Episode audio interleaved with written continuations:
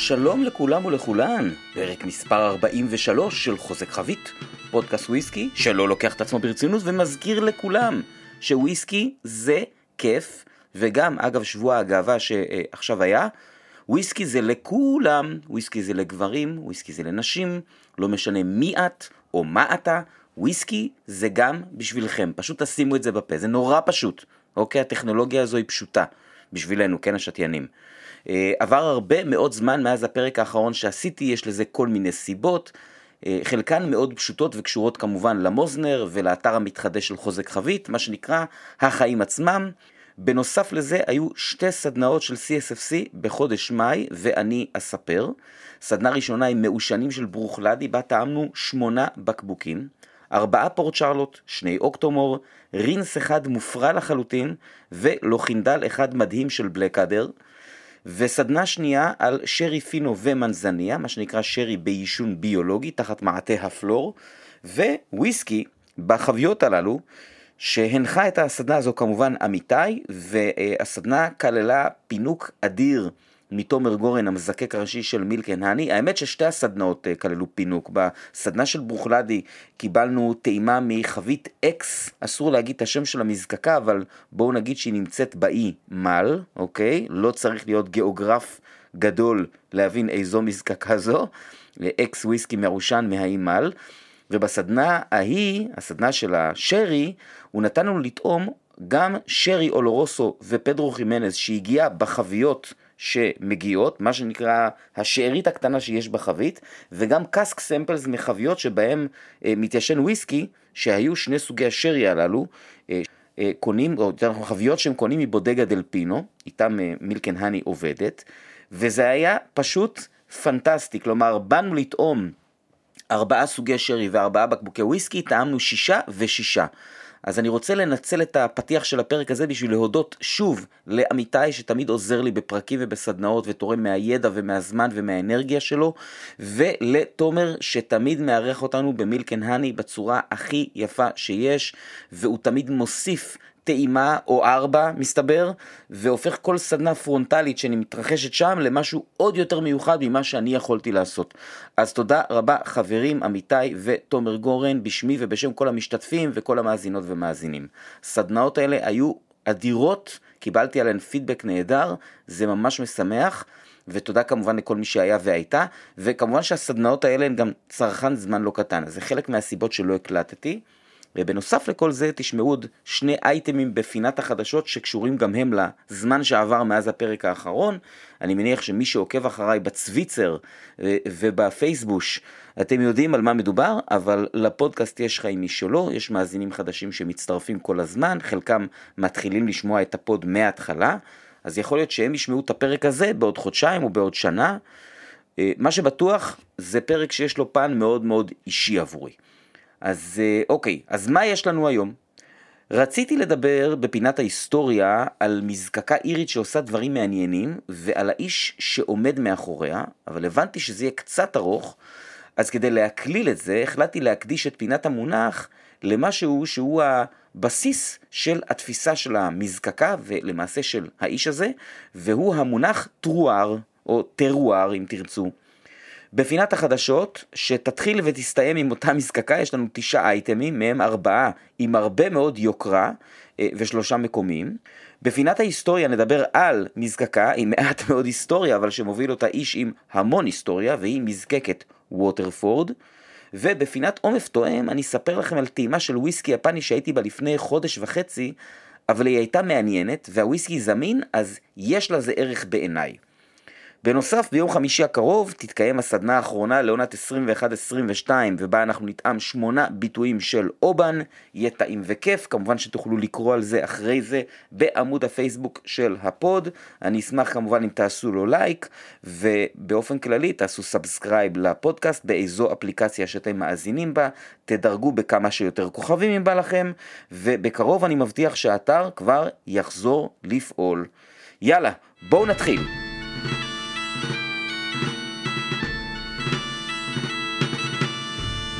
אז היום בפינת המונח אני מתייחס למונח שפחות מדברים עליו בעולם הוויסקי, אבל כל חובבי היין מכירים, והוא טרואר או טרואר.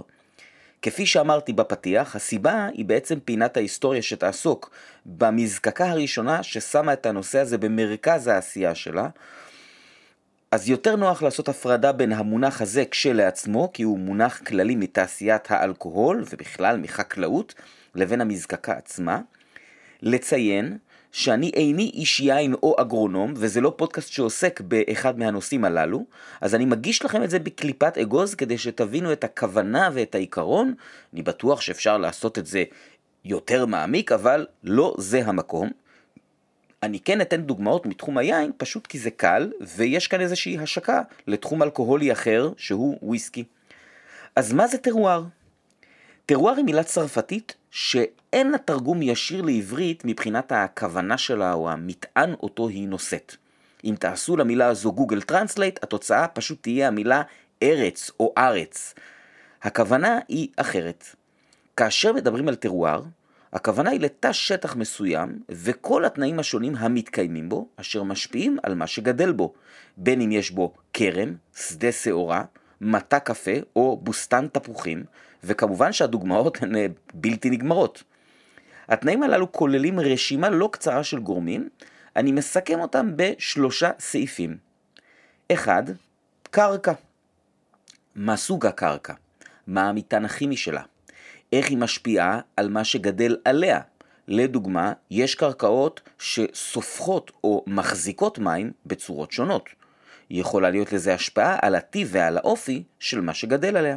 הדוגמה הקלאסית להשפעה של קרקע בעולם היין היא קרקע עם אבן גיר שנותנת לענבים שגדלים עליה, או יותר נכון ליין שמופק מהענבים הללו, טעמים מינרליים, כמו למשל ביינות השרדונה המפורסמים שמגיעים משבלי.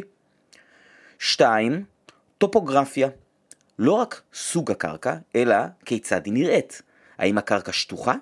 האם יש שיפועים בקרקע הזו, למשל יש נחל שעובר והגדות שלו הן תלולות ועליהם נטועים נגיד כרמים.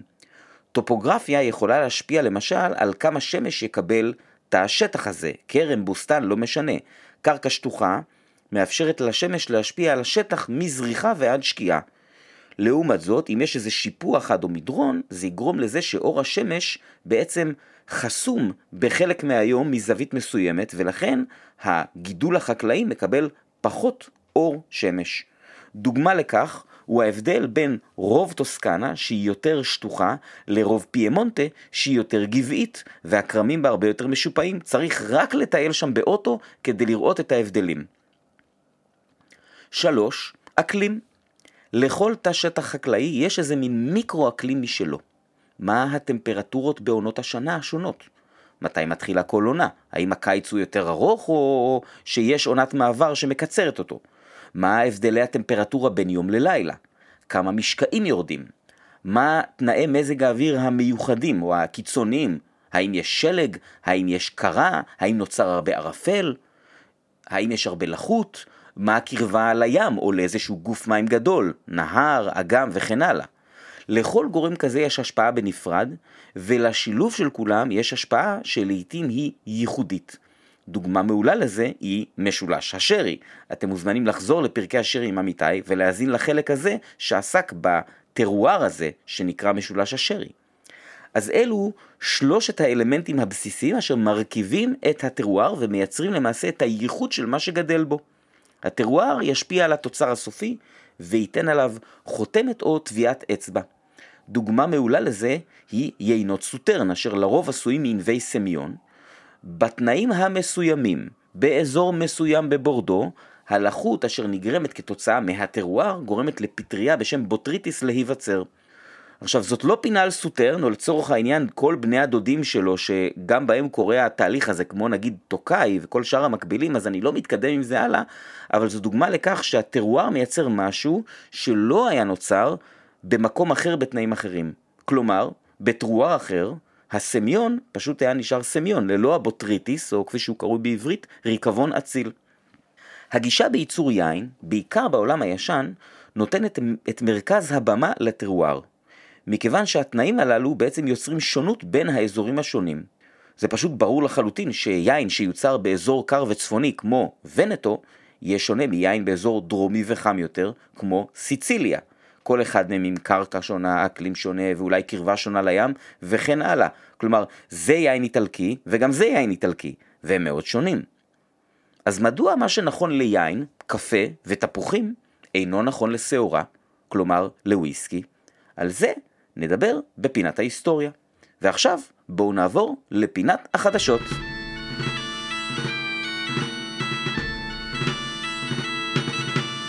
היום בפינת החדשות, כצפוי, הייתי צריך לסנן את מה שייכנס לפרק, מכיוון שדברים רבים התרחשו. אני אשתדל להתמקד בעיקריים ובמה שבכיף, וכפי שאמרתי בפתיח, שני אייטמים מזווית אישית. אז אה, בואו נתחיל. גלן פידיך משיקים את הביטוי החמישי בסדרת ה Experimental, שקוראים לו ה Orchard Experiment, או בעברית ניסוי הבוסתן, שזה נשמע כמו שם של מסעדה בכליל שאסור להיכנס אליה עם נעליים. מדובר בוויסקי ללא ציון גיל, שמבוקבק ב-43% אלכוהול. לאחר יישון בחביות ex bourbon, הוא עובר finish בחביות שהיה בהן סומרסט פומונה. מהו סומרסט פומונה?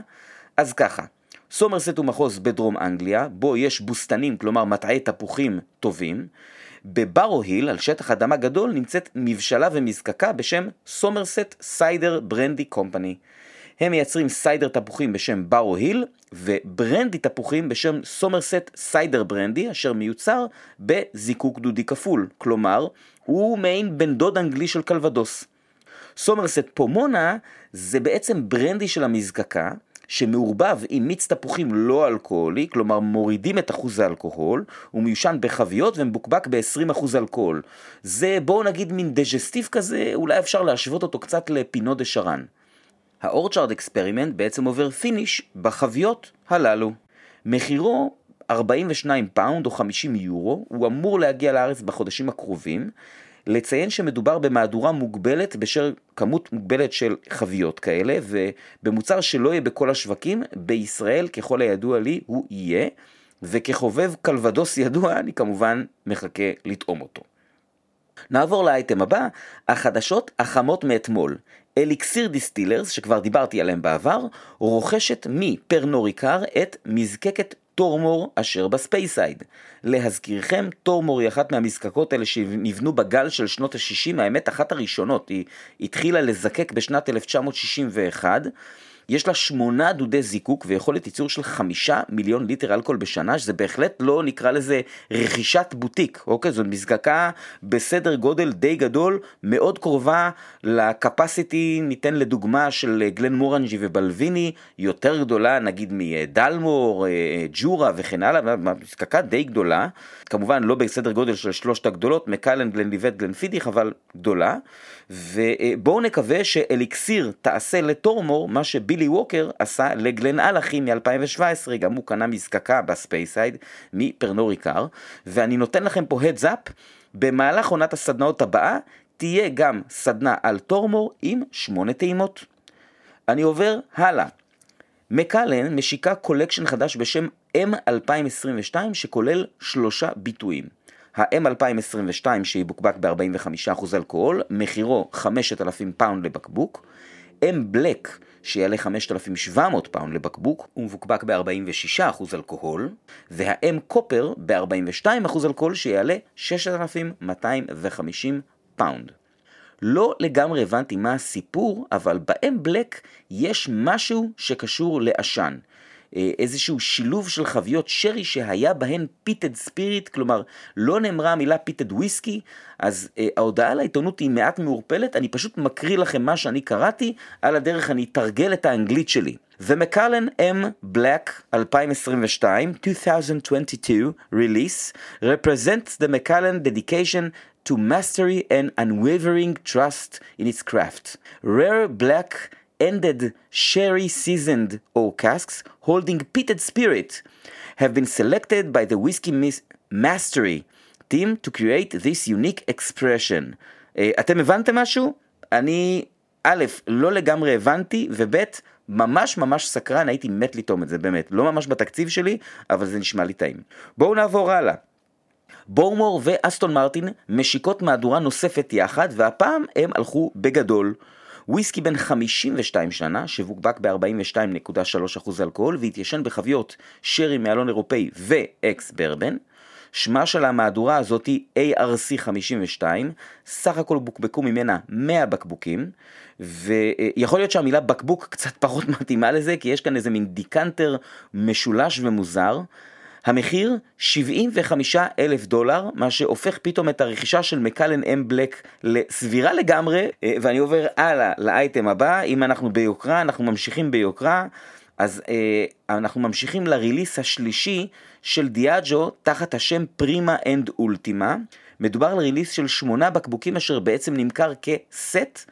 אני דווקא מתחיל עם כמות ומחיר, 317 סטים, מחירו של כל סט 36 וחצי אלף פאונד. מה מקבלים עבור הסכום המטורף הזה? ובכן, איך אומרים אצלנו? שימו חיתול למבוגרים ותתרווחו בכיסא. נתחיל עם רויאל לוכנגר בן 40 שזוקק ב-1981, 52.5% אלכוהול, שזה חוזק מאוד מרשים בגיל הזה. 2. קרגנמור בן 48 שזוקק ב-1973 ב-44.8%. 3. מנוקמור בן 31 שזוקק ב-1990 ב-45.1%. 4. ברורה בן 40 שזוקק בשנת 1981 ולפי הפרסום הרשמי זו החבית האחרונה שנותרה להם מ-1981 שהיא להזכירכם אחת משנות הפעילות האחרונות של המזקקה לפני שהיא נסגרה 4.1% אלכוהול 5. גלן אורד תחת השם סינגלטון, בן 34, זוקק ב-1987, 49.4%. לגבולין בן 28, שזוקק ב-1993 ב-50.1%, ושאוט אאוט למאזין נון.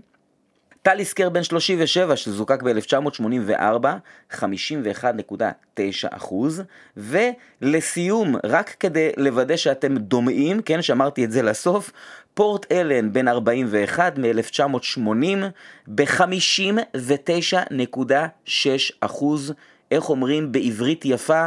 Holy Testicles Tuesday. אחרי האייטמים על מקלן ובומור, דיאג'ו נותנים פה אחלה VFM, אני ממש רציני, זה נשמע לי כמו דיל מאוד מאוד הוגן לחומר הזה. אז זהו, אני עובר לאייטם השישי, שהוא האייטם האחרון של מה שנקרא בגבוה.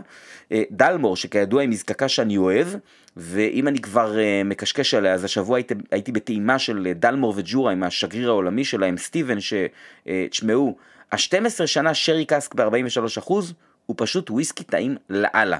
ו... הפורטווד שלהם פשוט מעולה, אני ממש ממש אוהב.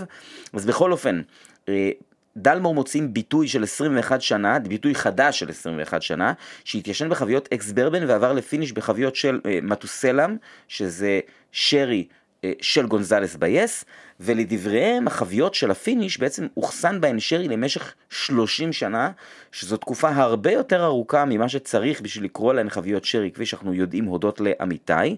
הוויסקי יבוקבק ב-43.8% אלכוהול, 8,000 בקבוקים בלבד שיעלו 575 פאונד. אני עובר לחדשות מקומיות. וינטג' וויסקי, עליהם כבר דיברתי בעבר, הנחיתו בארץ משלוח נוסף של הארט בראדרס עם מגוון יפה של חביות ומחירים ממש מוצלחים. אני רוצה מכאן לפרגן אישית לאיב, שהוא הבעלים של וינטג' וויסקי, אמרתי לך את זה כשבאתי לאסוף את השלישייה שאני קניתי, ואני אומר בפומבי, סחטן עליך, very nice job. אני לא סוקר את כל המגוון כי יש הרבה, אבל אני נותן לכם כמה דוגמאות מגניבות. אה, גלן גוין בן 16 בפורט, גלן טאוכרס בשרי בן 22 רק ב-479 שקל, ממש מחיר מצוין. בן ריח בן 14 בפורט, אה, כבר אמרתי שאני לא חובב בן ריח, אבל shout out למאזין א' ד' שאוהב בן ריח. רויאל ברקלה בן 10 בחבית ארמניאק, ומילטון דף בן 14 במרסלה. יפה מאוד. אייטם מקומי מספר 2, שהוא למעשה האייטם היחידי האמיתי מפרק 40 של ה-1 באפריל. ייבואו של אה, מבקבק עצמאי חדש נחת בארץ לפני חודש, מדובר בעצם ב line בקבוק עצמאי בשם ריגרס סלקשן, שלמעשה שייך לוויינריגר, שזאת חברה מווילינגן שוונינגן, כן, יש מקום כזה. הוקמה ב-1880 ועוסקת בעיקר במסחר ביין, הם נמצאים בדרום מערב גרמניה, החלו לבקבק וויסקי ב-2001, מ-2010 מבקבקים גם רום. הם שותפים במבשלת בירה שמייצרת להם wash, למזקקת הוויסקי שלהם, שמייצרת single malt בשם בלק פורסט רד דיר. הם גם מייצרים ג'ין ותזקיקי פירות, והיבואן של ריגר סלקשן הוא אני. זה כיף גדול, זה התבשל כמה חודשים, השילוח בים לקח חודש יותר ממה שהיה אמור, אבל בסופו של דבר המשלוח שכלל מגוון של שמונה בקבוקים הגיע, וכבר נמכר כולו. אה, מכיוון שאני אהיה יבואן, ואני לא רוצה שיהיה פה ניגודי עניינים, אני לא מחווה דעה, אני כן מספר לכם שכסוחרי יין יש להם גישה לחביות יין מעניינות, שזה כידוע משהו שאני מאוד מאוד אוהב, והם מבקבקים את הוויסקי בבקבוקי חצי ליטר, שזה נחמד עבור מי שקונה הרבה, כי המחיר הוא כמובן בהתאם. אני כן אספר לכם מה הגיע במשלוח. ארדמור בן שמונה ב finish יין קינוח גרמני שנקרא Ruländer Beerenauslese, שזה פינו גרי בבציר מאוחר. ארדמור בן שבע ב finish ruby port. בן נביס בן חמש בעישון מלא בפדרו חימנז. גלן אלחי בן 12 ב finish Gewürztraminer Auslese. גלן טאוכרס בן 16 ב finish tawny port. ספייסייד בן 12 שאת שמונה השנים האחרונות בילה בחבית פינו נואר, כלומר יין אדום, אה, ספייסייד המזקקה, לא Secret Speyside, וסטוישה בן 6 ביישון מלא בשרי, וטומטין 14 ביישון מלא בחבית רום מגואדלופה. אני אשתף אתכם שהמשלוח הבא יהיה בתקווה בסוף ספטמבר, זה לא תלוי בי, זה תלוי בים. אני יכול לספר שהוא יכלול עוד אה, מהארדמור לולנדר, הגלן אלחי בגוורץ והספייסייד בפינו נואר, ועוד כמה דברים, וככל הנראה גם מהרום של ריגרס, אה, שדרך אגב בונים עכשיו מזקקת רום שלהם בפנמה. אני מראש מודיע שאף ריגרס סלקשן לא יגיע לפינת עומף תואם, כי זה לא לעניין בעיניי. אני כן מקווה מאוד לארח בעתיד לפרק את סבסטיאן לוינגר, שהוא דור חמישי למשפחה וכרגע משמש כמנהל עסקי בחברה. חוץ ממנו גם אבא שלו, אחיו ואחותו בעצם מתפעלים את החברה, ולשמחתי היה לנו חיבור נהדר, אז אני כן ארצה לה, להזמין אותו לפרק, זה נשמע לי כמו משהו שיעניין את uh, כולנו. זהו, אני עובר לאייטם מקומי אחרון. לאחר שמצבת השגרירים המקומיים למזקקות סקוטיות הוכפלה, כאשר לסחף כהן היקר, אה, שהוא שגריר מקלן, הצטרפה ויטה ולדימירסקי היקרה, אשר שבה לארץ מהמזרח והתמנתה לשגרירת אברפלדי ודיואר, זה מי שלא האזין לפרק איתה, לכו לשמוע. שגריר מקומי שלישי התמנה בשבוע שעבר, והוא ייצג את מזקקות המלט של ויליאם גרנט אנד סאנז, כלומר גלן פידיך, בלוויני ואיילסה ביי. והשגריר הזה הוא אני. יש לי הרבה מאוד מה לומר, וזה לא לפינת חדשות, וגם לא באמת לפודקאסט שלי, אבל אני כן רוצה לשתף אתכם בשש נקודות, כן? בכל זאת אה, יש לי מה לומר, אני לא רוצה לא להגיד כלום, וזה הולך להיות מאוד מאוד אישי. אז אה, מי מכם שמתעקש ללבוש את הציניות שלו זה כמובן בסדר גמור. אה, דבר ראשון, אני ממש ממש מתרגש מזה. אני סופר גאה בזה שהם בחרו בי, ובפרק הראשון של חוזק חבית, שזה 19 לדצמבר 2020, יותר משנה וחצי, בחרתי בהם כנושא של פינת ההיסטוריה הראשונה של הפוד, ולא סתם, אתם מוזמנים ללכת ולהאזין לה שוב, ואם היו אומרים לי ששנה וחצי אחרי זה יקרה, לא הייתי מאמין. אה, נקודה שנייה, אני עובד בתעשיית האירוח והאלכוהול 20 שנה. נכנסתי לבר כשהייתי בן 22, זה המקצוע שלי, והיו לי בו עד היום שלוש נקודות שאני מגדיר אותן כמפנה, או אולי יותר נכון לומר, קפיצה קדימה בקריירה המקצועית שלי. הראשונה הייתה ב-2008 כשהתחלתי ללמד בזמן אמיתי, בית ספר לברמנים הכי גדול בארץ, והשנייה הייתה אה, בראשון לראשון 2013, התחלתי לנהל את הבר בננוצ'קה, והשלישית בסוף 2014, כשפתחתי בר משלי, המוזנר, הפכתי משכיר לעצמאי, וכן הלאה וכן הלאה. לקבל תפקיד בחברה סקוטית, ואני מזכיר שרוב המזקקות אינן בידיים סקוטיות, לייצג את המזקקה הכי מצליחה, להטעים את החומר שמייצרים ענקים כמו דיוויד סטיוארט ובריין קינזמן, שדרך אגב, ישב במוזנר פעם אחת, וגם להיות אחראי לזה שיותר אנשים ייחשפו לאיילסה ביי, זה פשוט אתגר מקצועי ענק. רוב המאזינים שלי אינם עובדים בתעשייה, אז אין לי יכולת להסביר לכם מהזווית שלי כמה מדהים זה, לקחת את הדבר שאני הכי אוהב ומה שאני עושה כבר הרבה שנים, שהוא בסוף אחוזון מאוד קטן ממה שאני עושה, ולהפוך אותו לחלק מרכזי ביום שלי. זה פשוט בלתי רגיל. אה, נקודה שלישית, כל הדבר הזה כמובן קרה דרך הכרם, שהם היבואן של וויליאם גרנט אנד סאנס, ואני לקוח של הכרם כבר הרבה שנים, שמייבאים עוד הרבה מאוד דברים. בירה, יין, אה, ברוכלדי, רוב הסחורה של אה, בים סנטורי כמו בומור ואוקנטושן וג'ים בים ומייקרס מרק ונוב קריק, והם הספק העיקרי שלי בבר, ולפני זה הם היו ספק ראשי וחשוב כשניהלתי את הבר בננוצ'קה. ואני עובד באופן קבוע מול רון זקס, שהוא מי שמנהל את כל העבודה עם החברה הזו, וויליאם גרנט אנד סאנס, שדרך אגב יש לה גם הרבה מוצרים שהם לא וויסקי, כמו למשל ג'ין הנדריקס וטקילה מילאגרו. אה, היחסים הטובים שלי איתם, במשך הרבה שנים, פתאום הופכים ליחסי עבודה אמיתיים. וזה קצת מרגיש כמו להתחיל זוגיות עם ידיד או ידידה שהם כאילו איזה מין אה, ידידה טובה כזאת מלא מלא זמן, ופתאום היחסים מקבלים איזה מין צעד כזה קדימה. ואני מפה רוצה להגיד לכל החבר'ה שם, ובייחוד לרון, תודה רבה גם על הבחירה וגם על האמון. נקודה רביעית, הדבר הכי משמח בכל הסיפור הזה מבחינתי, הוא הגישה של גלנפידיך ושל סטרואן גרנט רלף, שהתארח בפרק ועכשיו אני חלק מהצוות שלו, וגם זה משהו שאם היו אומרים לי אז שיקרה, זה היה מאוד מצחיק אותי. אה, אני אמרתי להם שאני לא רוצה להפסיק לעשות סדנאות על מזקקות אחרות, ושאני גם יבואן של מבקבק עצמאי.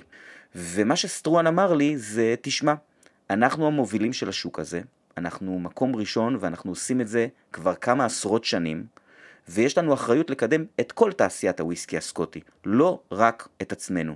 אתה תמשיך עם כל מה שאתה עושה, אין לנו שום בעיה עם זה. וזה פשוט אדיר. זאת גישה של ווינרים, ואני, פשוט אין לי מילים להסביר כמה שזה שימח אותי, והנה אני עכשיו מקליט פרק, עוד יומיים אני מעביר אה, סדנה על אובן, על uh, מזקקה של דיאג'ו, אוקיי? והכל בסדר, אין שום בעיה. וזהו, אני עובר על הנקודה הבאה. אני רוצה לשתף אתכם בזה שהתלבטתי ביני לבין עצמי, מה יהיה המקום של המוצרים שאני מייצג בפודקאסט. האם הוא יישאר כרגיל ואני אהיה בניגוד עניינים ואתם תצטרכו לסמוך עליי? או לחליפין, אני אנהג כמו בריגר סלקשן ותהיה הדרה מוחלטת בפינת עומף תואם. אבל אז אתם גם עלולים לא להיחשף לוויסקי שאולי אתם כן תאהבו. אז לאחר שהתחבטתי בנושא החלטתי שמכיוון שבניגוד לריגרס, בסופו של דבר יש כאן ניתוק ביני לבין המוצרים האלה, נקרא לזה בפן הכלכלי, וגם בגלל שאני חושב שאתם תרצו לשמוע מה אני חושב, למשל על ה Orchard Experimental, כשהוא יגיע, ואני מבטיח לכם שאם תהיה לי ביקורת אני אגיד אותה, אה, אז אני אמשיך לשוחח על המוצרים הללו, ודרך אגב אני כבר אומר לדעתי האישית שהשם הזה, Orchard Experimental, Orchard Experiment, הוא לא שם מוצלח כל כך, אוקיי? נקודה, נקודה אחרונה לסיום לטובת אלו שבכל זאת לבשו את הציניות, וזה בסדר וזה לגמרי מובן לי.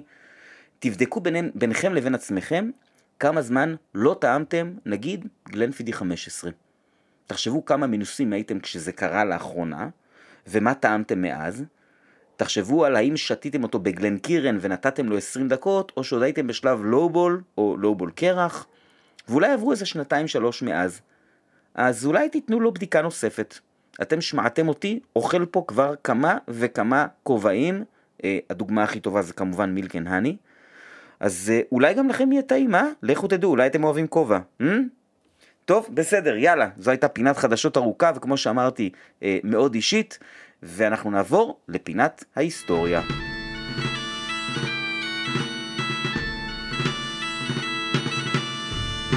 היום בפינת ההיסטוריה אני רוצה לספר על מזקקה חדשה יחסית, אבל הרבה יותר על האדם שעומד מאחוריה. השמות האלה כבר הוזכרו בעבר בפוד, לעתים אפילו מעט בהרחבה, אבל לא בפינה, וזה בעיניי מעניין מאוד, מצדיק פינה, ובסופו של דבר הוא גם אחראי למזקקה שאני מאוד מאוד אוהב, אז מרק ריינייר גדל במשפחה של אנשי יין, עבד בתעשיית היין 20 שנים, ככל הידוע לי בעיקר בצרפת. לאחר פינת המונח אתם בוודאי מבינים שטרואר זה משהו שהוא מאוד מאוד חשוב עבורו, ומרק אומר בריאיון שעבורו טרואר היה משהו מאוד מאוד פשוט ומאוד טריוויאלי, כלומר, לא, לא הטרואר פשוט, אלא החשיבות שלו, הנוכחות שלו בעשייה היומיומית, ההתייחסות לחשיבות של טרואר כעובדה מוגמרת, זה פשוט היה משהו שהוא היה ברור לכל הסביבה המקצועית של מרק במשך הרבה מאוד שנים. הוא אומר באותו ראיון שאולי המילה הצרפתית יש לה איזה מין ניחוח מתנשא כזה, אבל שהיא טומנת בחובה איזושהי אמת שכל חקלאי בכל סוג של גידול יודע. האדמה והסביבה יוצרות את מה שגדל בהן. בשנת 1994 מרק נכנס לעולם הוויסקי כאשר הקים עם שני שותפים חברה בשם מורי מקדייוויד, אשר עסקה בבקבוק עצמאי של וויסקי סקוטי. מורי מקדייוויד השתמשה בחביות מסוגים שונים, בעיקר של יינות שונים, והייתה מהראשונות בתחום שעשו זה, זאת בצורה כל כך נרחבת, והם עשו את זה באופן מוצלח מאוד. הנה אני אה, מזכיר לעצמי שאחד מה top שלוש ספרינג בנקס שאני אי פעם טעמתי היה ספרינג בנק בן 9 ב-46% אלכוהול. וב finish יין לבן שהוא היה שלהם, וכל מי שטעם אותו השתגע ממנו, כולל אנשים שפחות אוהבים חביות יין לבן, אה, או אנשים שמאוד מאוד אוהבים רק לשתות באחוזים גבוהים, זה היה פשוט בקבוק מדהים. בשנת 2000, מורי מקדייוויד רכשו את מזקקת ברוכלדי הסגורה, עמדה סגורה כבר איזה חמש-שש שנים, אה, באי איילה כמובן, שכרו את שירותיו של ג'י מקיואן ופתחו מחדש את המזקקה. גם שם, מרק ריinier המשיך את העבודה היצירתית שלו עם חביות יין, והוא החל ליישם את התפיסה שהוא הביא מעולם היין לעולם הוויסקי, כשהוא טען שלטרואר של שדה שעורה יש חשיבות רבה לוויסקי, ממש כמו שיש לטרואר של כרם עבור היין. מזקקת ברוכלדי הוציאה מספר סדרות משעורה שונה, אשר גדלה באזורים שונים בסקוטלנד, ומרק הוכיח לקהל חובבי הוויסקי שאכן לשעורה יש חשיבות בקביעת טעמו של הוויסקי. מהדורות סקוטיש ברלי, איילה ברלי ובר ברלי באמת היו שונות זו מזו. בשנת 2012 ברוכלדי נמכרה, דרך אגב, מרק באותו אה, ראיון מציין שזה קרה בניגוד לדעתו, הוא לא רצה למכור אותה, נמכרה בסכום עתק, למיטב זיכרוני 54 מיליון pound אה, לרמי קוונטרו, ומרק החל בחיפוש אחר הפרויקט הבא שלו. הוא מספר שכששאל את מנהל המזקקה האגדי של ברוכלדי, דנקן מגיבלרי, שעבד שם, אם אני זוכר נכון, מ-1973, 9, זאת אומרת, הוא עבד שם הרבה מאוד שנים, אה, אז הוא שאל אותו, איפה השעורה הכי טובה שיש? אז דנקן אמר לו, בדרום אירלנד.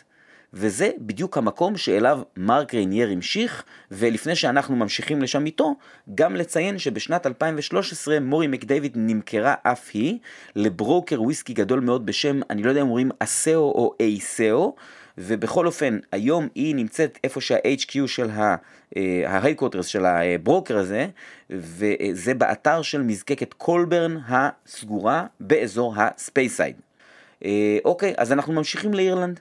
מרק רכש מבשלת בירה של גינס בדרום אירלנד שהיא הייתה לא פעילה למרות שהיא רק הוקמה בשנת 2004. כלומר, מבשלה מודרנית עם ציוד חדש, כלומר יש לו כבר חלק מהדרך של ייצור הנוזל, והוא הביא עליה נדוניה מכובדת מסקוטלנד, שני דודי זיקוק אשר נבנו בשנת 1972 והיו שייכים למזקקה סקוטית מהלולנד שנסגרה בשנת 91 ונקראה אינברליבן. דרך אגב, אלה דודים שבחודשים האחרונים, ממש לא מזמן, הוחלפו בזוג חדש שהם רפליקה של המקוריים. הוא יצר קשר עם חקלאים בדרום אירלנד והחל לדגום שעורה שגדלה בכל מיני חוות ולייצר וויסקי סינגל מלט שבעצם היה סינגל פארם בדומה ל-100% איילה של קילחומן, כלומר השעורה מכל חווה למעשה הפכה לוויסקי שמתיישן בנפרד מהתוצרת של חוות אחרות.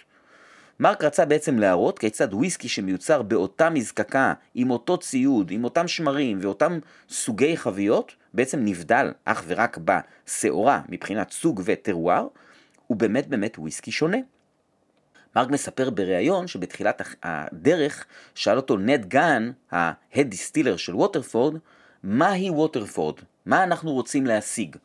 שזו בעצם שאלה שכל מזקקה צריכה לענות עליה כאשר היא מעצבת ובונה את הוויסקי אותו היא תייצר, וזה דרך אגב משהו שאתם שמעתם עליו לא מעט מתומר גורן ומילקן הני בפרק שהוא התארח בו. אז מרק ענה לו, אנחנו לא רוצים להשיג כלום, אנחנו נותנים לשעורה לדבר. It is what it is. לדבריו של מרק, וויסקי סינגל מלט הוא הספיריט המורכב ביותר, עם הכי הרבה טעמים וניחוחות, ולכן לשעורה בהכרח יש השפעה רבה על אופיו.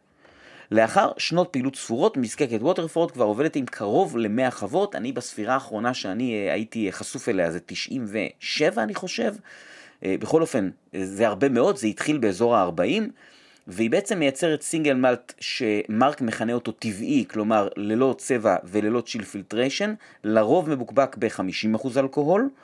והוויסקי שמיוצר משעורה מחוות שונות באמת מציג אופי שונה ומבוקבק כשלעצמו במהדורות. לציין שכמו בברוכלדי, גם בווטרפורד חוזק ה new make הוא חוזק המילוי, למיטב ידיעתי, 71 אחוזי אלכוהול. ווטרפורד מיישנת את הוויסקי שלה במספר סוגי חביות, ככל שאני מבין, כמעט בכל הביטויים יש בלנד שכולל את כל הארבעה, שאלה חביות אקס ברבן, חביות ורג'ין אוק, חביות יין צרפתי וחביות של יינות מחוזקים שונים. אוקיי, נקרא לזה ככה, הוא נותן לזה איזשהו אה, אה, שם כללי. לאחרונה מרק החל לייצר וויסקי שמורכב משילוב של מספר חוות, תהליך שהוא הצריך ניסויים רבים כדי להגיע לפאזל הנכון של הנוזל של איזה חוות עובד טוב ביחד ואיזה לא, וגם השם של הבקבוק הזה שואב השראה מעולם היין, זה נקרא קובה. יש לווטרפורד גם סדרה של וויסקי ביודינמי, ולפני שבועיים פורסם שהיא תבקבק לראשונה שני ביטויים מעושנים, האחד ב-38.4 ppm והשני ב-47 ppm. שניהם עושנו בעזרת כבול אירי. מעניין לציין שאומנם הוויסקי מיוצר באירלנד, אבל הוא מיוצר בצורה סקוטית מסורתית, זיקוק דודי כפול עם דודים סקוטיים, לא, לא זיקוק משולש. הכיתוב על הבקבוקים הוא וויסקי ללא אי, כמו בסקוטלנד, ולא וויסקי עם אי, כמו שנהוג לכתוב באירלנד. היבוא לארץ של ווטרפורד בעצם כולל שני ביטויים, בלי מורגן 1.2 ושיסטאון 1.2, המחירים שלהם לצרכן נעים סביב 350 שקלים. בעיניי הם מוצלחים, בטח לוויסקי בן 5, אני מעדיף את השיסטאון, אבל הדעה הרווחת היא שהבלי מורגן הוא יותר מוצלח, לפחות בכל האינטראקציות שלי היו בנושא הזה, ואני חושב שכשתואמים אותם זה לצד זה, ומבינים שההבדל היחיד ביניהם הוא המקור של השעורה, תשמעו, זה מאוד קשה לומר שטרואר בוויסקי זה אה, אה, עור ופרח, אוקיי? מאוד מאוד קשה. אחד הדברים שמרק רינייר אומר זה שחברות גדולות, והוא נוקב בשמה של דיאג'ו, ינסו להשקיט את החשיבות של הנושא הזה, מכיוון שהן מייצרות כמויות שלא יכולות לעמוד בסטנדרט הזה של טרונות שעורה ממגוון מקומות וממגוון מדינות, רוב השעורה שלהם היא לא שעורה סקוטית בכלל, ולמעשה בתהליך הייצור הן כאילו הורגות את הטרואר או מיישרות את הטרואר. אה, אז אני רוצה לסיים את הפינה הזו עם הדעה האישית שלי. אני חושב, לאחר שטעמתי את שני הווטרפורד הללו, וכמה וכמה ברוכלדי, וגם כמה ספרינגבנק לוקל ברלי, שאין לי צל של ספק שטרואר בוויסקי הוא אמת. לי אישית זה פשוט ברור לחלוטין. אני גם חושב שזה לא בהכרח אומר שוויסקי שמיוצר תוך התחשבות בזה, יהיה בהכרח יותר טעים. אפשר לטעון גם את הטענה ההפוכה. מזקקה מקבלת שעורה ממקומות שונים או ממקורות שונים או מזנים שונים, ומצליחה לייצר מוצר אחיד. אולי זה האתגר. אולי לעשות כל שנה את אותו טליסקר, את אותו בלוויני, את אותו בומור או את אותו מילקן הני משעורה מטרואר שונה, זאת האומנות האמיתית. אני גם חושב שהוויסקי שמרק רינייר עושה הוא טעים ואיכותי ומוצלח, כי הוא פשוט איש מקצוע ברמה הכי גבוהה שיש והוא מקפיד על כל דבר. אני בטוח ש sourcing גרוע של חביות היה דופק לו את הוויסקי עם או בלי הטרואר. אז אני אישית ממליץ לכם לנסות ווטרפורד, כי בעיניי זה וויסקי טוב, ואני ממליץ לכם לנסות שני ווטרפורד זה לצד זה, כי זה פשוט מעניין לאללה. אתם יכולים להיכנס לאתר שלהם ולראות איך מזקקה שמאמינה במוצר שלה ובדרך שלה ובתפיסה שלה, באמת שמה את השעורה ואת הטרואר ממש במרכז, ומייצרת מוצר טוב שלהערכתי רק ישתפר. אז זהו, זו הייתה פינת ההיסטוריה, ונעבור לפינת עומף תואם.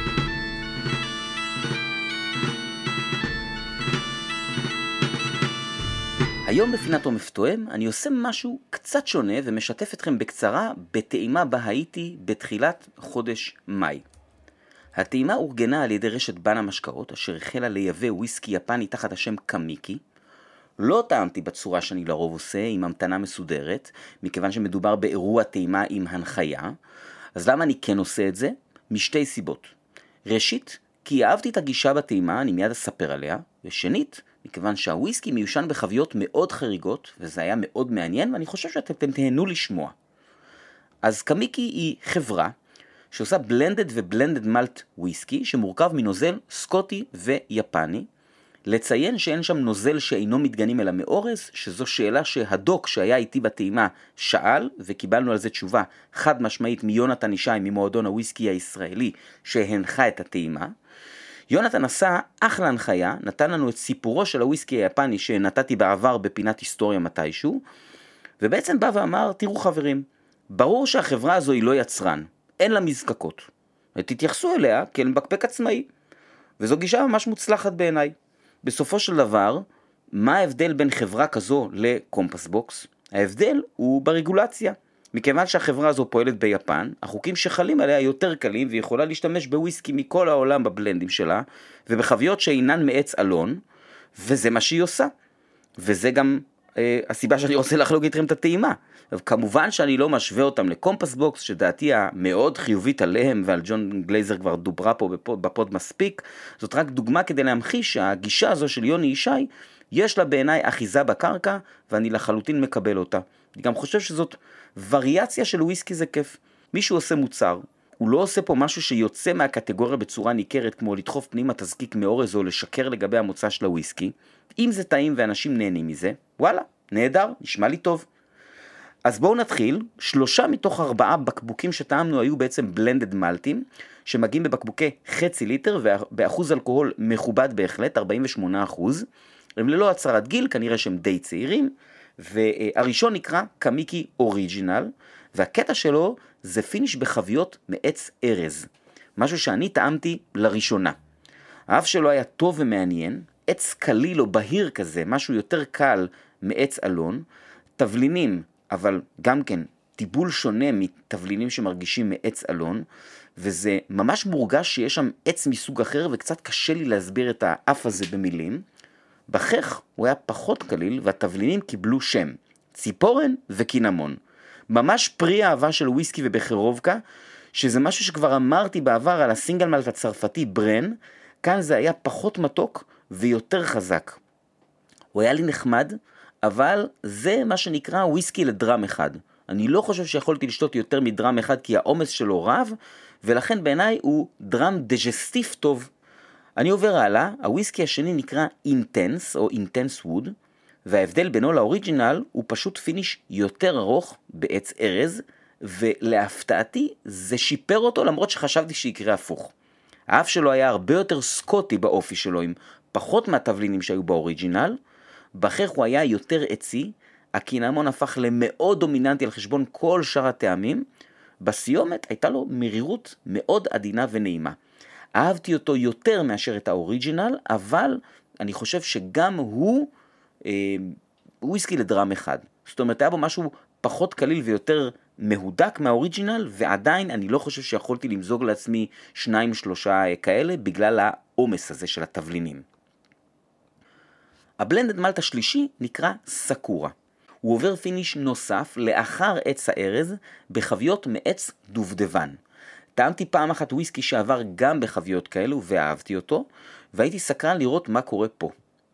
קצת משעשע, ויסלח לי אמיתי, אבל באף הוא היה מאוד שרי אולורוסו, מהסוג המתקתק חמצמץ והפחות יבש.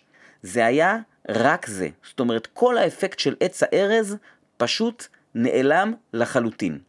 בחך לעומת זאת, הארז חזר ובגדול עם כל התבלינים, ואיתו הופיע טעם של דובדבן מסוכר, ממש סוכריית דובדבן מלאכותית כזאת, כלומר מתיקות של סירופ או מסטיק דובדבן, לא של דובדבן אמיתי. אני לא אומר את זה לאו דווקא כמשהו רע, כן? אני פשוט מציין את זה שזאת מתיקות כזו, ומה שמאוד בלט היה הפער המאוד גדול בין האף לפה. הרבה יותר מהפער בין האוריג'ינל והאינטנס, היה פה ממש פער עצום בין האף הזה של שרי, יכולתי להתבלבל ולחשוב שזה איזשהו אה, וויסקי סקוטי עם חבית מאוד מאוד אה, פעילה, לפה שהיה בוודאות משהו אחר. אה, גם כאן מבחינתי, השורה התחתונה היא אותה שורה תחתונה. זה מעניין, זה כיף, אני לא יכולתי לשתות יותר מדרם אחד, כי העומס הזה הוא פשוט אדיר. לסיום, טעמנו בלנדד וויסקי ב-46% אלכוהול בשם אומיקי, בהתחלה לא הבנתי למה הבלנדד החלש יותר בסוף ולא בהתחלה, אבל אחרי שטעמנו אותו, הבנתי. הוא פשוט גנב שם את כל ההצגה, ואני חושב שרוב המשתתפים בטעימה הזאת חשבו ככה. האומיקי עובר finish בחביות מעץ אורן יפני, בנוסף לזה, המים שבעזרתם מדללים אותו ל-46% אלכוהול הם מי אוקיינוס, שהם כמובן עוברים טיפול, זה לא מי מלח. האף שלו היה ממש חמוד, עם מתקתקות וקצת אוויר ים, אוקיי? משהו מין בושם ימי כזה. תחשבו מין אה, אובן פוגש טליסקר, אבל מאוד מאוד בקלילות, אף מאוד מגניב, ובכך הוא היה לי מיד טעים. היה לו גוף קל של בלנדד, אבל בלנדד שעשוי טוב, הייתה תחושה עצית אה, שונה כמו באוריג'ינל, אבל בלי התבלינים של חביות הארז, אפטר נעים ומעט מתובל, ובניגוד לשאר, הוא גם עולה קצת פחות, והוא גם מגיע בבקבוק 750 מיליליטר ולא חצי ליטר. הוא היה המנצח שלי גם בלי קשר לנושא העלות וגודל הבקבוק. אה, לצערי אני לא זוכר מחירים בדיוק, אני חושב ששלושת הבלנדד מלטים עולים בערך 330 שקלים, והאומיקי אולי מעט פחות, כאמור לכמות יותר גדולה. ובכל אופן, אם בא לכם לטעום וויסקי מעניין, שונה, ואני חושב שהוא גם מתאים גם למתחילים וגם לקצת יותר מתקדמים, אז האומיקי הזה הוא בהחלט משהו חמוד לאללה. אז זהו. Uh, טוב חברים, זה היה פרק 43 של חוזק חבית. אנחנו נתראה בפרק הבא או בסדנת אובן הקרובה, שיהיה לכם אחלה המשך שבוע. ביי!